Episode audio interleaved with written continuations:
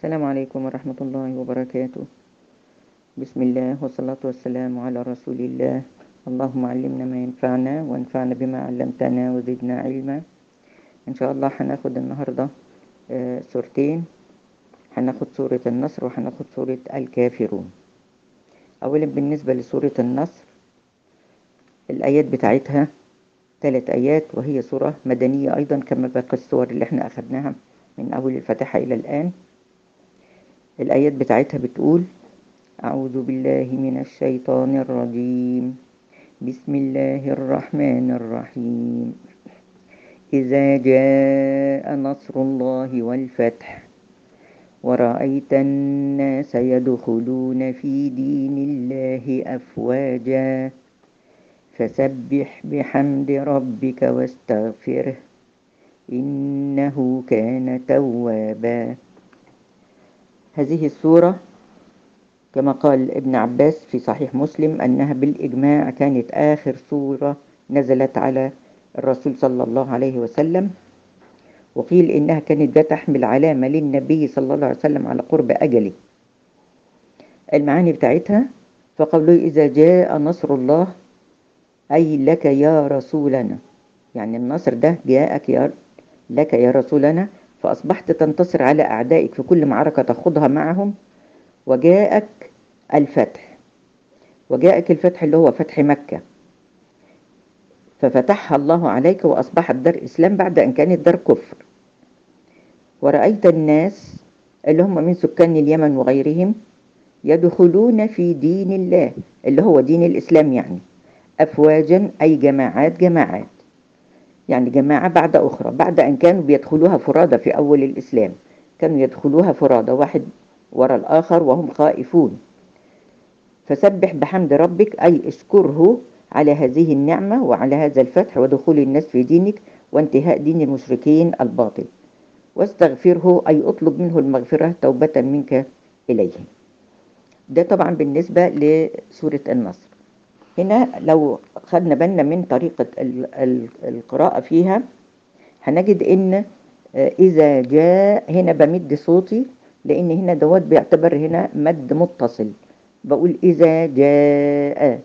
وطبعا هنا المد إحنا هناخده بالتفصيل بعد كده بس إيه يعني للتسهيل يعني لما بمد بعد على صوابعي كده جاء يعني أربع مرات على أساس إن ده بيعتبر مد متصل.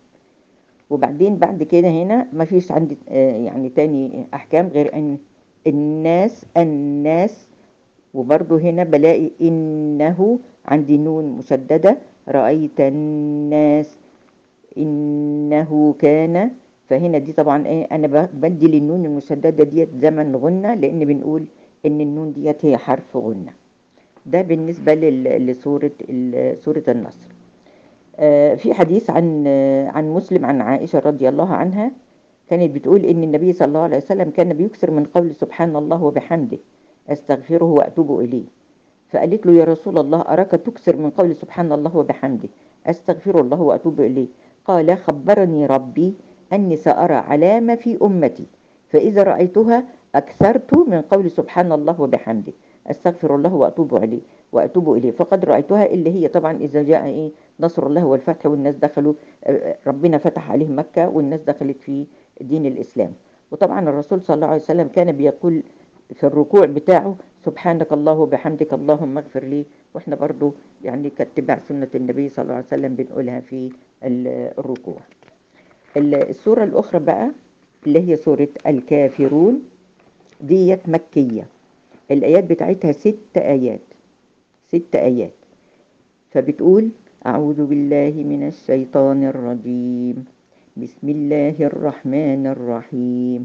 قل يا أيها الكافرون لا أعبد ما تعبدون ولا أنتم عابدون ما أعبد ولا أنا عابد ما عبدتم ولا أنتم عابدون ما أعبد. لكم دينكم ولي دين. بالنسبة هنا لهذه ال- السورة طبعا ديت آه، بيبقى ليها فضل يعني ورد فيها انهم بيقول إنها أيضا بت- بتعدل ربع القرآن الزلزال أيضا بتعدل ربع القرآن سورة النصر اللي إحنا قلناها دلوقتي أيضا بتعدل ربع القرآن. بس النبي صلى الله عليه وسلم كان بيقرأها في الشفع يعني إحنا عارفين الشفع والوتر. الشفع اللي هو بيبقى ركعتين كان بيق... كان بيقرأ في الركعة الأولى اللي هي بسورة الأعلى اللي هي سبح اسم ربك الأعلى وفي الثانية كان بيقرأ سورة الكافرون. وأيضا كان بيقرأها اللي هي سنة الفجر. سنة الفجر طبعا دي سنة مؤكدة اللي إحنا بن... بنصليها قبل صلاة الفجر. اللي هي بنقول فيها برضو في الركعة الأولى بنقول برضو هنا برضو قل يا أيها الكافرون وفي الثانية بنقرأ قل هو الله أحد. كذلك هما نفس الحكاية بتبقى سنة المغرب اللي هي بعد سنة يعني بعد صلاة المغرب بنقرأ سنة, سنة المغرب ركعتين. في الأولى برضو بنقول قل يا أيها الكافرون وفي الثانية بنقول قل هو الله أحد اللي هي سورة الصمد. وكذلك لما بنعمل العمرة فدي بتبقى كان بتبقى إيه بنقرأها أيضا في ركعتي الطواف. يعني بعد ما بنخلص طواف السبع أصوات آه، اشواط حول الكعبة بنصلي ركعتين اللي هم خلف ال- المقام أو في أي مكان. برضو بنقرأ بالأولى بقل يا أيها الكافرون وفي الركعة الثانية بقل هو الله أحد اللي هي سورة الصمد. يعني ده بالنسبة في فضل إيه؟ هذه السورة. لو مسكنا برضو ال- الشرح بتاعها اولا سبب النزول بتاعها هي نزلت ليه؟ لأن في طبعا ديت نزلت في أول البعثة ولذلك بنقول إن دي سورة مكية. أول بعثة الرسول صلى الله عليه وسلم فطبعا الناس ما كانتش مصدقاه وكانوا إزاي بيقولوا إن إحنا هنسيب عبادة الأصنام بتاعتنا اللي آبائنا كانوا بيعبدوها وإحنا على نهجهم وإزاي نعبد إلهك وكلام من ده. فقعدوا يقولوا له بقى يعني إيه إحنا عندنا مقترح إن إحنا اللي هم بعد المشركين يعني عندنا مقترح ليك إن إحنا نعبد إلهك سنة وإنت تعبد الآلهة بتاعتنا سنة. فطبعا ربنا يعني الرسول طبعا ما ردش عليهم لحد ما ربنا أنزل له هذه السورة على أساس انها تبقى رد مفحم ليهم إن هو طبعا لن يعبد آلهتهم ابدا وهم كذلك لن يعبدوا إلهه اللي هو الله. يعني دي كانت رد عليه ولذلك بنجد إن كلمة آه يعني فيها تكرار. لا أعبد ولا أنتم عابدون لا أعبد ولا أنتم عابدون وهكذا. فكان فيها تكرار دليل على أنهم لن يعبدوا الله أبدا. وهو لن يعبد آلهتهم أبدا. فهنمسك بقى التف- التفسير بتاعها. طبعا قل يا أيها الكافرون ده هذا أمر من ربنا للرسول صلى الله عليه وسلم. بيقول لهم يا أيها المشركون اللي هم كانوا جم بالرأي أو المقترح اللي هم قالوا له عليه. لا أعبد ما تعبدون. أي لن, لن أعبد أي إله من الإله أعبد ال- من الآلهة الباطلة بتاعتكم الآن. ولا أنتم عابدون ما أعبد. أي أنتم أيضا لن تعبدوا الآن ما أنا عابده اللي هو ربنا. ولا أنا عابد ما عبدتم. يعني في المستقبل أيضا لن أعبد اللي أنتم بتعبدوه. ولا أنتم عابدون ما أعبد أي في المستقبل أيضا لن يعني أن ربنا يعلم إن كنتم لن تعبدوا الله أبدا. فإذا هذا دليل من من من الله على إن هم هيظلوا على شركهم حتى يموتوا. ولا أنتم عابدون ما أعبد. خلاص في المستقبل لكم دينكم ولي دين. خلاص أنتوا حرين. خليكم في دينكم وأنا لن أترك الإسلام أبدا. طبعا هنا هنلاقي إن قل يا أيها الكافرون أيضا هنا فيها مد. قل يا أيها برضه بمدها وبمد على يعني على صابعي أربع آه، حركات كده على أساس إنها للتسهيل يعني. قل يا أيها بس دوت بقول عليه مد منفصل. وبعدين هنا لا أعبد. أيضا ده آخر مد منفصل بمدها برضو أربعة. ولا أنتم نفس الحكاية. بس هنا بقول ولا أنتم. هنا أنتم بين النون الساكنة وبين التاء.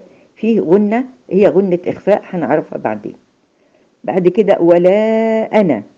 ولا أنا عابد ما عبدتم. هنا ما أقولش ولا أنا عابد. لأن حضرتك خدت بالك في المصحف هتجد إن الأنا الألف اللي عليها دي صفر مستطيل آه sorry صفر مستدير. هذا الصفر دليل على إيه؟ آه دليل على إن الألف دي مش موجودة. لا sorry هو آه هو صفر مستطيل مظبوط. صفر مستطيل. ليه؟ لأن أنا لو وقفت هقول ولا أنا أنا يبقى أنا بثبت الألف. لو وقفت عليها أنا فبثبت الألف. لكن أنا في حالة الوصل هقول أنا عابد أنا عابد. أنا بنطق نون مفتوحة وبعدين عيني مفتوحة. ولا أنا ع أنا عابد ما عبدتم على طول. بالنسبة برضو ولا أنتم برضو حمد أربعة. نفس ال- ال- الآية بالظبط يعني الآية ثلاثة والآية خمسة هما متكررين بالظبط. لكم دينكم ولي دين. طبعا ديت هنا كلمة دين هي المفروض أصلا هي ولي ديني بس هنا الياء بتاعت الضمير محذوفة للتخفيف. فأنا لما بقف على النون بسكنها. لكم دينكم ولي دين. بس. يبقى ده بالنسبة لقراءة سورة ال- الكافرون. وما فيهاش طبعا يعني شيء بيكون بيكون أكتر من كده. بس هي طبعا بتقرر عقيدة القضاء والقدر. وإن الكافر اللي هو اللي بيكفر أزلا. والمؤمن من آمن أزلا. يعني من زمان. وبالتالي طبعا هنا بنجد إن آه، إن تقرير ال- الإيمان والكفر ربنا هو اللي اللي بيحدده. خلاص؟ طيب ده كان بالنسبة لتفسير الايه ال- السورتين وإحنا هنبتدي إن شاء الله. يعني ناخد بقى ال- الأحكام بتاعه ال- النون الساكنة والتنوين على أساس إن إحنا نبدأ في الحكم الأول لأن إحنا قلنا إن فيه الأحكام في عندي كذا حكم قلنا حكم الإظهار وفي حكم الإدغام وفي حكم الإخفاء وفي حكم القلب. فإحنا هناخد اولا اللي هو حكم الإظهار. حكم الإظهار بيسمى بالإظهار الحلقي. وده أول حكم في أحكام النون الساكنة والتنوين. وإحنا قلنا إن النون الساكنة قلناها المرة اللي فاتت اللي هي النون اللي بتجد عليها رأس الحاء الصغيرة. ورأس الحاء الصغيرة دي علامة في المصحف زي ما بنيجي نكتب الإملة وبنحط الحرف الساكن بنحط عليه دايرة مستديرة كده. لا هي السكون في المصحف هو عبارة عن رأس حاء صغيرة وده بيوضع على أي حرف ساكن. يعني ممكن تلاقيه على الحاء الساكنة ممكن تلاقيه على الميم الساكنة على الدال الساكنة وهكذا. فهنا بنجد إن حكم الإظهار كلمة إظهار هنا بنسميه إظهار حلقي. ليه؟ لأنه بيأتي مع ستة أحرف. كلها بتخرج من الحلق. عندنا مخارج اللي في في جهاز النطق عندنا الحلق عندنا اللسان وعندنا الشفتان. فالحلق دوت كل الحروف دي بتخرج منه ولذلك سميت حروف حلقية. وبيكون الحكم عندها الإظهار. يعني إيه؟ يعني إذا أتت النون الساكنة أو التنوين ووراها حرف من الأحرف الستة دي اللي هي الهمزة والهاء. العين والحاء الغين والخاء. والستة دولت كل كلهم بيخرجوا من الحلق. ولذلك سمي الحكم الإظهار الحلقي. فإحنا بنعمل إيه؟ إذا جه بعد النون الساكنة أو التنوين حرف من هذه الأحرف الستة يبقى أنا بنطق النون الساكنة بدون ما أطول زمنها. بدون ما أطول الزمن بتاعها. فما بيظهرش معاها الصوت اللي هو بيخرج من الخيشوم اللي إحنا بنسميه الغنة. وبذلك يكون أنا عندي مخرج النون بأتصادم فيه يعني أقرعه ثم أتركه وأتصادم في مخرج الحرف اللي وراه وبالتالي يبقى أنا فصلت النون عن اللي وراها وعلشان كده ده بنسميه إظهار. زي مثلا هناخد مثال مثلا كلمة في سورة البينة الآية رقم 8 مثلا رضي الله عنهم ورضوا عنه. رضي الله عنهم. هنا كلمة عنهم عندك النون الساكنة أهي عليها علامة رأس الحاء الصغيرة اللي هي علامة السكون ووراها الهاء. وطبعا اللي هيأتي بعد النون الساكنة دي لابد يكون متحرك يعني ما ينفعش يجي ساكنين ورا بعض.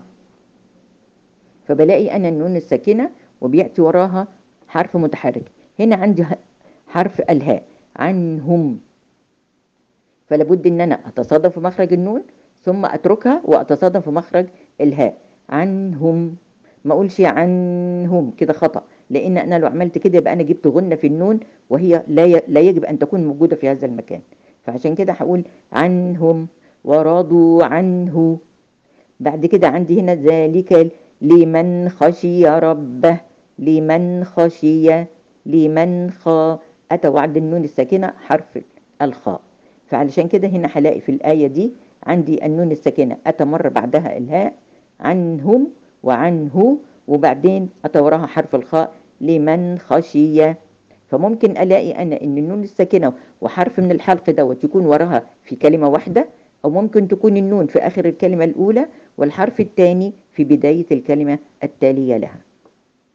برضو هنا ده مع النون الساكنة وبنلاقي زي ما قلت لحضرتك إن هنا النون علامة السكون تعرفها منين؟ إن هنا إظهار إنك بتلاقي رأس الحاء الصغيرة موجودة على حرف النون. يبقى تفهم على طول إن كده أنا طبعا بتكلم بصيغة المذكر معلش. هو طبعا المذكر ده بيمشي على المذكر والمؤنث يعني. بعد كده عندي هنا في بالنسبة للتنوين بقى إحنا قلنا التنوين إن بيبقى فيه عندي حركتين. يعني مثلا هنا لما أقول في سورة الإخلاص زي ما قلنا ولم يكن له كفوا أحد. كفوا أحد. الواو دي بتبقى منونة منونة بالفتح. يعني إيه؟ يعني متحرك عليها حركة فتح. بيتحط عليها فتحة أخرى للنون بتاعة التنوين. فعشان كده بتجد عليها حركتين. هنا علشان نبين إن ده حكم إظهار بتجد إن الحركتين دولت متطابقتين تماما يعني متوازيين تماما. الاثنين بيكونوا باراليل على طول. الاثنين بالظبط زي بعض.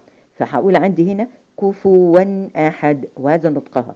هلاقي وراها هنا إيه؟ همزة. كفوا أحد وراها همزة. بالنسبة مثلا لسورة الإخلاص. طيب لو أخذنا مثال آخر مثلا في سورة التكاثر. في سورة التكاثر الآية رقم 8 ثم لتسألن يومئذ عن النعيم. طبعا هنا في عندي نونات مشددة فبديها الغنة بتاعتها لكن أنا المثال اللي إحنا عايزينه يومئذ عن يومئذ عن عندي الزال هنا تحتها كسرتين. الكسرتين أيضا الاثنين متوازيتين تماما. فده دليل على إن هنا إظهار حلقي. لو بصيت ورا الزال هجد وراها مين؟ حرف العين وهو من حروف الحلق. فعلشان كده هظهرها هظهر النون بتاعت التنوين. فتنطق هكذا. يومئذ عن النعيم. فأنا أظهرت النون وبرضه ما طولت زمانها. ما أقولش يومئذ عن. كده خطأ. لازم تتقال يومئذ عن. خلاص؟ طيب. مثال آخر للتنوين اللي هو بالضم. لأن إحنا عندك عندنا التنوين إما إنه يكون بالفتح يا إما إنه يكون بالكسر يا إما يكون بالضم. وطبعا التنوين دوت لا يأتي إلا في الأسماء. الأسماء هي اللي بتكون منونة. بس أنا عندي في القرآن في استثناء في عندي فعلين منونين هنعرفهم بعدين. خلاص؟ فأنا عندي هنا برضو في سورة التين في سورة التين الآية 6 إلا الذين آمنوا وعملوا الصالحات فلهم أجر غير ممنون. هنا عندي أجر غير. الراء هنا عليها تنوين بالضم. وهتجد عندها الضمتين هما مش ضمتين جنب بعض يعني واو صغيرة وواو صغيرة أنا بلاقي واو واحدة وبعدين التانية عبارة عن قوس مقلوب عليها. فبترسم الضمة والتانية بتبقى يعني راكبة فوقيها. فدي علامة الإيه؟ التنوين بالضم للإظهار. فتنطق هكذا. أجر غير. وبرده مش هطولها ما أقولش أجر غير لا. هتبقى أجر غير. يبقى كده إحنا أخدنا اللي, اللي هي حكم الإظهار وده طبعا أمثلته كتيرة لو لما هنمر علينا بعد كده في في في الصور أو في الآيات هنجد إن إحنا أي نون ساكنة عليها رأس الحاء أو أي تنوين الحركتين بتوعه في الفتحة أو في الكسر هيكونوا متطابقتين تماما متوازيتين تماما الضمتين برضو بيكونوا متركبتين على بعض واحدة بتركب الأخرى يبقى الحرف اللي بعدها لابد يكون حرف من الحروف الستة. الهمزة الهاء العين الحاء الغين الخاء. وبكده يبقى أنا لما بنطق النون لابد إن أنا أنطقها بصورة ما تديش فيها غنة وبالتالي يبقى دوت عندي اسمه حكم الإظهار. ويبقى كده إحنا أخذنا أول حكم من أحكام النون الساكنة والتنوين. وجزاكم الله خيرا. سبحانك اللهم بحمدك. أشهد أن لا إله إلا أنت. أستغفرك وأتوب إليك. السلام عليكم ورحمة الله وبركاته. بسم الله والصلاة والسلام على رسول الله. اللهم علمنا ما ينفعنا وانفعنا بما علمتنا وزدنا علما. النهاردة إن شاء الله هناخد سورة المعون وسورة الكوثر. سورة المعون ديت الآيات بتاعتها سبع آيات.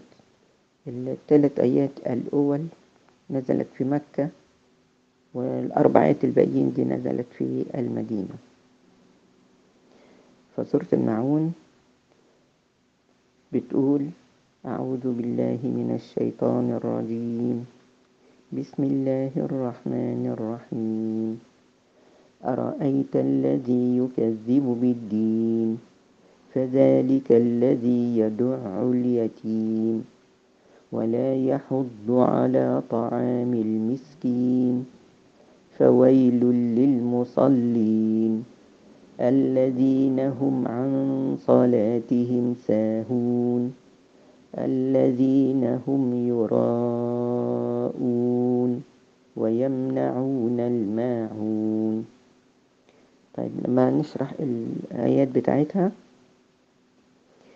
الآية بتقول أرأيت الذي يكذب بالدين؟ طبعا دي أي هل عرفته؟ يعني أرأيت الذي يكذب؟ هل عرفت الذي يكذب بالدين؟ الدين هنا مقصود به المعاد والجزاء والثواب. فذلك الذي يدع اليتيم أي هذا, هذا له صفات أنه بيقهر اليتيم ويظلمه يظلم حقه يعني ولا يحسن إليه. ولا يحض على طعام المسكين. يعني معناها أنه هو لا يرغب نفسه ولا غيره على إطعام المساكين. فويل للمصلين. أي العذاب الشديد للناس اللي هم المصلين الساهين عن صلاتهم. دي أول صفة ليهم. عن صلاتهم ساهون. يعني بيؤخرونها عن أوقاتها. الذين هم إيه؟ يراءون. يراءون المراءة هنا اللي هي يعني يراءوا بصلاتهم وأعمالهم الناس بحيث إن ما بيكونش فيها إخلاص لله تعالى في ذلك. يمنعون الماعون أي لا يعطون من سألهم معون اللي هو زي ما يكون حد عايز يستلف منك أي شيء ينتفع به زي أي أدوات منزلية أو غيره بس بشرط إن هو ينتفع به ويرده كما هو. يعني ما ما لا يعدم يعني أو لا ينتهي. ينتفع به ويرد بعينه. فأدي معنى كلمة اللي هي يمنعون المعون. فإن كلمة بقى رأيت الذي رأيت الذي يكذب بالدين الاستفهام للتعجب من حال المكذبين اللي هم طبعا لا يؤمنون بال بيوم المعاد وإن بيبقى فيه يعني جزاء وحساب. وهذه الآية الثلاثة نزلت بمكة في العاص بن وائل والوليد بن المغيرة وأمثالهم اللي هم من عتاد قريش وكفارهم اللي كانوا طبعا بيعاندوا الرسول وما كانوش بيؤمنوا. فهذه الآيات بتعرض بهم وتندد بسلوكهم وتوعدهم. فقوله تعالى أرأيت يا رسولنا الذي يكذب بالدين وهو الجزاء في الآخرة على الحسنات والسيئات؟ فذلك الذي يدعو اليتيم يعني يدفعه بعنف عن حق ولا يعطيه وبيتكبر عليه ولا يحض على طعام المسكين. وبالتالي لا يحث ولا يحض لا نفسه ولا غيره على إطعام الفقراء. وهذا ناتج طبعا عن عدم الإيمان بالدين أو بالحساب والجزاء في الآخرة. ودي طبعا صفة كل ظالم مانع للحق لا يرحم. فطبعا لو أمن بالجزاء في الدار الآخرة لعمل لها بأنه يترك الشر ويفعل الخير. فمن أراد أن يرى مكذب بالدين فيرى في, في, في الظلمة المعتدين قساة القلوب الذين لا يرحمون ولا يعطون ولا يحسنون.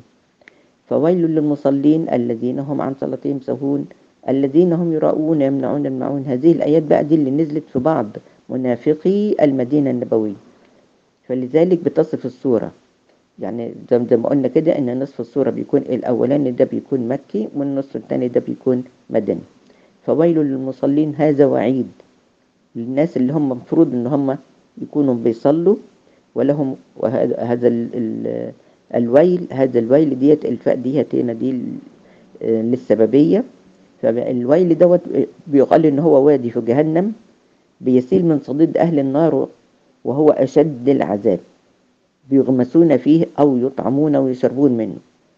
ومعنى عن صلاتهم سهون إن دي أوصاف ليهم للناس اللي هم المفروض بيكونوا بيصلوا بس ليهم ثلاث أوصاف. أول حاجة إنهم غافلون عن هذه الصلاة. فكثيرا ما تفوتهم وبيخرج وقتها وأغلب حالهم إنهم ما بيصلوهاش إلا عند قرب خروج الوقت بتاعها الوصف الثاني أنهم يراءون أي يراءون بصلاتهم يعني بيتباهوا بيها بكل أعمالهم وبيبقى في الحالة دي فيها نفاق لأن دوت ما بيكونش فيه إخلاص لله تعالى. والثالث أنهم بيمنعون المعون. أي أنهم بيمنعوا أي حد عايز يستعير منهم أي شيء لحاجته فنجد أنهم لا يعيرون وبالتالي يعتذرون بمعاذير باطلة وهذا لا لا يجوز يكون من صفة المؤمنين. دي بالنسبة للآية للسورة الأولى. السورة دي هذه أيضا فيها كلام. يعني أرأيت الذي يكذب بالدين؟ الكلام دوت فيه هنا إيه؟ في حذف. في جزء محذوف اللي هو أرأيت الذي يكذب بالدين يا محمد؟ مين هو؟ أم مصيب هو أم مخطئ؟ الجزء دوت يعني بيبقى بيقولوا إن ده كلام محذوف فيها. الجواب طبعا قطعا. الخطأ بتاعه إن هو بيكون كافر ومشرك وعداوته للإسلام وبالتالي فما بيكون من صفاته الحاجات اللي جت بعد كده. طيب ده بالنسبة لسورة المعون بالنسبة لسورة الكوثر هي أيضا سورة مكية وهي ثلاث آيات فقط وبرضو سورة الكوثر وسورة المسد اللي إحنا أخذناها قبل كده هم دولت بيعتبروا يعني أصغر أصغر آيات. سورة سورة النصر أصلا سورة النصر اللي هي إذا جاء نصر الله والفتح دولت بتعتبر ثلاث آيات وكذلك عند سورة الكوثر بيعتبروا ثلاث آيات فدول بيعتبروا أقصر سور في القرآن. سورة الكوثر اللي هي بتسمى بسورة النحر. فبنلاقي إن هنقرأها برضو. أعوذ بالله من الشيطان الرجيم. بسم الله الرحمن الرحيم. إنا أعطيناك الكوثر. فصل لربك وانحر. إن شانئك هو الأبتر. هنلاحظ هنا في الآيات. إنا أعطيناك الكوثر. دي طبعا هذه السورة بيخاطب الرسول. يعني صلى الله عليه وسلم هي مختصة به وبتحمل له طابع التعزية لرسول الله لأنه روي أنه لما مات ابنه القاسم قال العاص بن وائل برضه إن هو برضه من من عتاد قريش أوتر محمد. أو هو أبتر يعني ليس له عقب بعده. يعني معناها إنه مش هيبقى ليه يعني إن الولد بيقوله بيحمل اسم أبوه.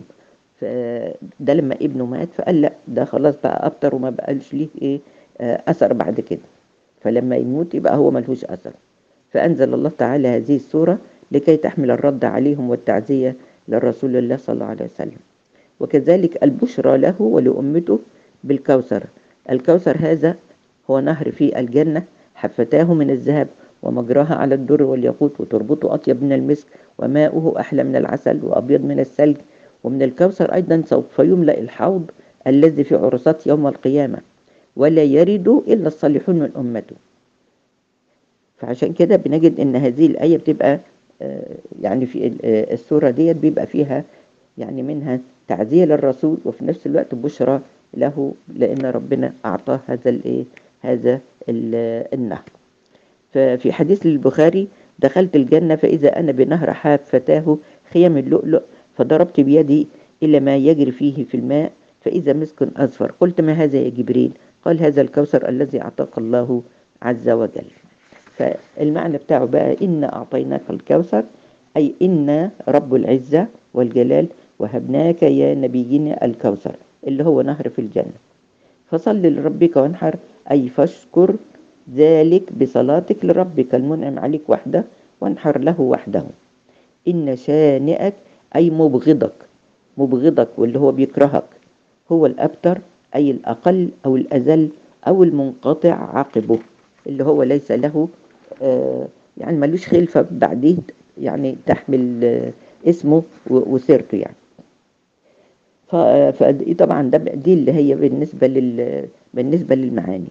هنا برضو بنقول إنها إيه إن أعطيناك أي خصصناك بهذا النهر الذي هو في الجنة وطبعا دوت لمقامك من مقام النبوة. فصل لربك وانحر أي فاشكر هذا الإنعام بأن تصلي لربك وحده ولا تشرك به غيره.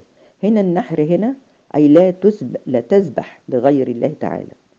وفي هذا تعليم لأمته هل المراد من الصلاة هنا هي صلاة العيد والنحر والأضحية؟ لأن دي دايما بنلاقي الناس بت بتذكر هذه الآية السورة في العيد الكبير. دايما بتلاقيهم في الخطبة بتاعت العيد الكبير دائما بيجيبوا هذه الآية فصلي لربك وانحر. ولذلك بنقول إن السورة دي بتسمى سورة النحر. يعني معناها إن هنا فيها دليل على وجوب تقديم صلاة العيد على النحر وهو ما عليه جمهور الفقهاء. وجائز أن يكون المراد أيضا منها. صلي لربك وانحر يعني صلاة الصبح تكون في المزدلفة أيام الحج يعني. وبعد كده انحر الهدي بتاعك بمنى. فهي بتشمل المعنيين يعني. ولا مانع طبعا من دخول هذا المعنى في الاثنين مع بعض. وهذا في سائر الصلوات والنسك. وقوله تعالى إن شانئك هو الأبتر أي أن مبغضك في كل زمان ومكان هو الأذل وهو المنقطع النسل والعقل ده اللي هو كان بالنسبة لهذه السورة طبعا هنا هنلاقي إن هنا سورة الكوثر أتى فيها حرف الباء اللي هو من حروف القلقلة الأبتر. ده بالنسبة لسورة المعون وسورة الكوثر. وطبعا إحنا أخذنا حكم الإظهار ومفيش طبعا لا في السورة دي ولا في السورة دي أي حكم منه. وإن شاء الله طبعا يأتي في سور قادم. جزاكم الله خيرا. سبحانك اللهم وبحمدك أشهد أن لا إله إلا أنت أستغفرك وأتوب إليك.